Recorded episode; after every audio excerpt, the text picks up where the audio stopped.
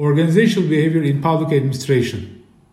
Information about attitudes and job satisfaction, motivation, communication, power and politics, organizational change is considered.